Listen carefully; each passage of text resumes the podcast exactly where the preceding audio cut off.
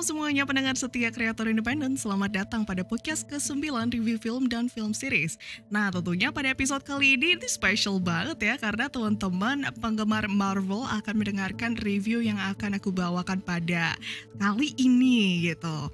Nah disclaimer sebelumnya aku bukanlah penggemar Marvel, aku hanya mengikuti per filmnya, jadi nggak mengikuti Marvel Universe-nya karena emang selama ini menurut aku, hmm, sorry ya, lebih tertarik ke DC kali ya. Tapi juga bukan penggemar superhero movies kalau itu benar-benar bagus, jadi ya udahlah, oke okay lah gitu.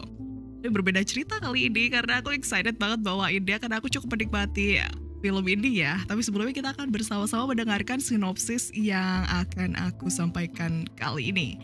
Jadi secara singkatnya, Black Widow atau Natasha Romanoff itu memiliki latar belakang yang cukup menyedihkan ya. Karena dia harus disatukan dalam keluarga yang sebenarnya itu adalah mata-mata Rusia kalau nggak salah. Jadi bapaknya ini namanya Alexi, dia bukan bapak sebenarnya. Begitupun juga ibunya yang diperankan oleh Rachel Weisz. Wow, dia dia oke okay banget sebagai apa ya sebagai senior yang juga merupakan junior dalam Marvel Universe ya karena barusan gabung. Kemudian ada juga adiknya namanya Yelena kalau nggak salah diperankan oleh Florence Pugh. Itu familiar banget wajah dia karena ternyata dia pernah berperan dalam Midsommar dan kawan-kawannya. Jadi mungkin setelah dia berperan sebagai ketua sekte ya sekte sesat gitu. Terus dia beralih profesi dewasanya jadi ini ya jadi superhero ya di Marvel ya. Baik oke. Okay. balik ke sinopsis ya. Jadi ini kan nggak fokus sendiri. Sinopsisnya jadi dia dipersatukan dalam keluarga yang sebenarnya bukan keluarga secara biologis. Kemudian tiba-tiba pada suatu hari dia harus kabur dan juga berpisah dengan orang tuanya gitu. Padahal orang tuanya masih hidup semua dan adiknya juga. Dan dia bersama adiknya ditempa dari nol ya untuk menjadi mata-mata Rusia kalau nggak salah. Tapi jebolan mata-mata Rusianya ini malah dia jadi Avenger si Black Widow ini gitu. Nah Natasha dengan kehidupannya yang kayaknya ini apa ya film ini tuh berlatar setting waktu setelah Civil War tapi sebelum Infinity War atau apa gitu ya bodo amat lah gitu. Karena nggak terlalu memperhatikan gitu ya. Pokoknya intinya dia lagi vakum sama Avengers kemudian dia menemukan keluarga barunya yang merupakan eh, keluarga yang apa ya ternyata memiliki chemistry yang luar biasa gitu ya.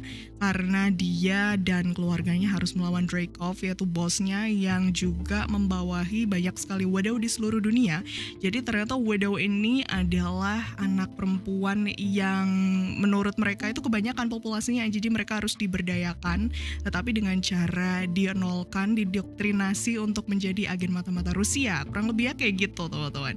Dan ya tentunya happy ending karena deh gitu ya superhero movies rata-rata mereka juga pasti alurnya bakal ada konflik kemudian resolusinya mereka menang kan? Ya udah gitu aja. Atau kalau nggak lanjut ke Marvel movie berikutnya gitu. Karena mereka berbasis franchise. Oke okay lah ya, dapat kita nikmati lah ya film ini kalau aku pribadi juga sangat menikmati action yang disuguhkan di dalam film ini walaupun nggak ekstra-ekstra amat tapi dari awal hingga akhir ada watching experience yang berbeda gitu dibandingkan dengan Marvel kayak Infinity War gitu kemarin. Aku bahkan udah lupa ya ceritanya kayak gimana pokoknya yang ada Thanos-Thanosnya itu juga. Kemudian ya beberapa Marvel movies yang lalu kecuali ini ya yang Wakanda itu ya. Itu keren juga gitu ini juga hampir sekelas itu ya, hampir sekelas Black Panther si Black Widow ini. Cuman bisa lebih diperbaikin lagi gitu secara teknis CGI, secara visual effects gitu ya. Sebel banget gitu kadang-kadang kalau ngelihat lampu-lampu kayak merah birunya yang terlalu menurut aku ya sekelas Marvel produksinya gitu kurang ya perlu banyak belajar lagi dari DC ya Kemudian teman-teman secara keaktoran, ini aku lebih suka ensemble cast yang ini karena apa? Dibandingkan Avengers ya.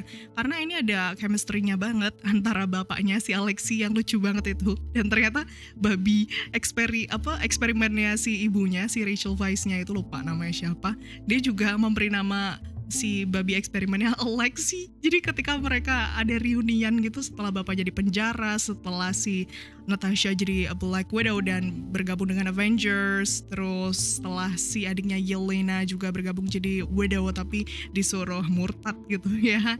Nah, mereka juga ada chemistry-nya ada banget gitu kayak keluarga yang kembali ke rumah tuh gimana sih gitu Padahal mereka bukan keluarga gitu, mereka hanyalah mata-mata yang harus menjadi keluarga gitu. Tetapi dinamika yang ada mengantarkan kita semua sebenarnya pada pengertian bahwa ya memang keluarga itu sekali lagi dibentuk nggak hanya dari secara biologis kita juga bisa merasakan kalau secara dinamika kita udah bareng-bareng dari dulu kita punya memori indah misalnya nyanyi gitu ya. Hari ini adalah hari kita meninggal gitu. Itu kan khas ya. Sebelum mereka pas kecil dipisahkan juga mereka nyanyi itu kemudian mereka pas reunian juga mereka nyanyi itu. Ada banyak detail-detail kecil yang menurut aku sweet banget untuk ditonton gitu. Mengingatkan kita pada masa-masa kecilnya. Jadi kita ikut nostalgia bareng-bareng tuh. Nah kemudian tonjolan positifnya Marvel Black Widow ini yang selanjutnya adalah sebenarnya aku nggak mau ngomong dialognya tetapi memang biasanya Marvel kan juga lebih segar ya daripada DC jadi dia nggak terlalu dark gitu. Dan beberapa jokes juga masuk terus nggak over juga nggak kebanyakan. Dan penggunaan alur di dalam film ini walaupun durasinya panjang ya nggak kerasa panjang karena itu tadi action yang disuguhkan cukup banyak. Kemudian koreonya juga kudos untuk membuat koreonya. Kemudian teman-teman kalau misalnya mau melihat ensemble cast yang bagus aja deh. Saya ulang ke saya ulangin ya saya lagi. Aku ulangin ya ensemble castnya ini bagus karena apa? Karena si Florence Pugh dari Midsummer itu dia udah bagus gitu. Dia aja udah bagus. Apalagi ditambah Lexi apalagi ditambah Rachel Weisz. Dia adalah kalau nggak salah alumni Bond Girl ya yang sekarang jadi istrinya Daniel Craig. Oh my god gitu. Siapa yang nggak mau punya ibu yang sebadas itu gitu. Nah selain dinamika keluarga kita juga bisa menikmati apa ya resolusi resolusi konflik yang ya gitu-gitu aja sih. Cuman ya ya cukup menarik lah gitu ya. Jilat-jilat dikit ya.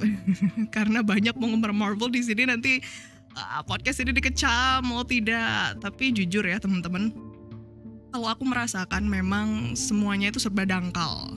Kalau dari Marvel ini dibandingkan sama DC ya maksudnya gimana? Maksudnya dangkal itu ya sedih ya sedih tapi nggak sedih banget. Seneng ya seneng tapi nggak seneng banget. Kemudian ini kita udah masuk ke sesi kekurangannya ya. Sorry kalau agak acak-acakan karena emang excited itu untuk memberikan review dari film ini. Kekurangannya yang selanjutnya adalah nggak tahu kenapa ya dari CGI dan dari visual effects ya. Selalu ya ketika ada pesawat yang lagi terbang lah aduh mata aku tuh sebenarnya sakit gitu padahal resolusinya udah tinggi gitu kenapa ya? Apakah mereka kekurangan jatah apa upah untuk ngedit ya? Atau kekurangan waktu gitu deadline-nya terlalu pendek sehingga mereka nggak bisa maksimalkan itu. Entah kenapa ya terus dari sinematografi dari lightingnya tuh selalu ya Marvel itu entah mengapa selalu malas jadi masih bisa diperbaikin lagi. Yuk bisa yuk gitu. Kemudian yang selanjutnya adalah kekurangan terbesarnya ya menurut aku ya. Ini kekurangan yang hanya ada pada film ini tapi nggak ada di film-film yang lain. Apa coba? Villainnya itu kurang greget nggak tahu kenapa. Si Dracov tuh kurang apa ya kurang powerful gitu. Apa sih yang bisa kita takutin dari dia sehingga kita tuh gemes sama dia? Nggak ada gitu. Kurang aja menurut aku. Tapi itu semua kekurangannya bisa tertutupi dengan watching experience yang oke, okay, dengan berbagai actionnya, dengan aktor-aktornya yang bening-bening dan juga ganteng. Tapi yang ganteng nggak ada deng, cuman dikit doang. Jadi ya senang lah para cowok-cowok yang menonton film ini gitu. Oke, okay, itu aja untuk rating dari Black Widow ini dengan segala kelebihan dan kekurangannya aku berikan ya 7 7 ah, dari 10 lah dengan ya 7 nggak ya? 7 atau 6,8 6,9 ya? Ayo. Ya terserah teman-teman lah mau memberikan rating berapa. Kalau teman-teman enjoy yang penting kan entertaining dan teman-teman menikmati itu ya Jadi mau berapapun ratingnya film ini nggak masalah. Yang penting mereka sudah membawakan produksi film ini secara komersil dengan baik sih. Sekarang kan masih di masa-masa promosi ya, jadi kita perlu berbangga gitu karena kita sudah dimanjakan, kita sudah dihibur dan tentunya kita bisa lihat pada produksi Marvel selanjutnya mereka akan bikin apa dan tentunya mungkin aku sebagai perwakilan dari penggemar Marvel mengucapkan terima kasih untuk para produser dari film ini yang sudah membuat Black Widow menjadi satu film sendiri yang menurut aku pribadi sih cukup puas ya akan hasil yang ada. Oke, gitu aja teman-teman untuk rating ya terserah lah antara 6,9 sampai 7 gitu ya. Mau 7 tapi kok ketinggian karena banyak sekali juga kekurangan dari film ini mau 6,9 kok saya juga kayak saya lagi sih. Aku juga menikmati film ini. Gitu aja teman-teman. Selamat menonton film ini. Kalau misalnya yang belum nonton kalau misalnya udah nonton yuk nonton lagi. Gitu. Pasti teman-teman gak bakal bosen karena film ini panjang durasi tapi mengasihkan. Dan jangan lupa share review film ini ke teman-teman yang lain dan ya udah selamat nonton buktikan aja apakah kata-kataku benar atau enggak. Kalau ada yang nggak setuju silahkan personal chat via Instagram bisa at Vera A atau sosial media yang lain gitu ya. Selamat menonton sampai jumpa pada podcast review film selanjutnya. Bye.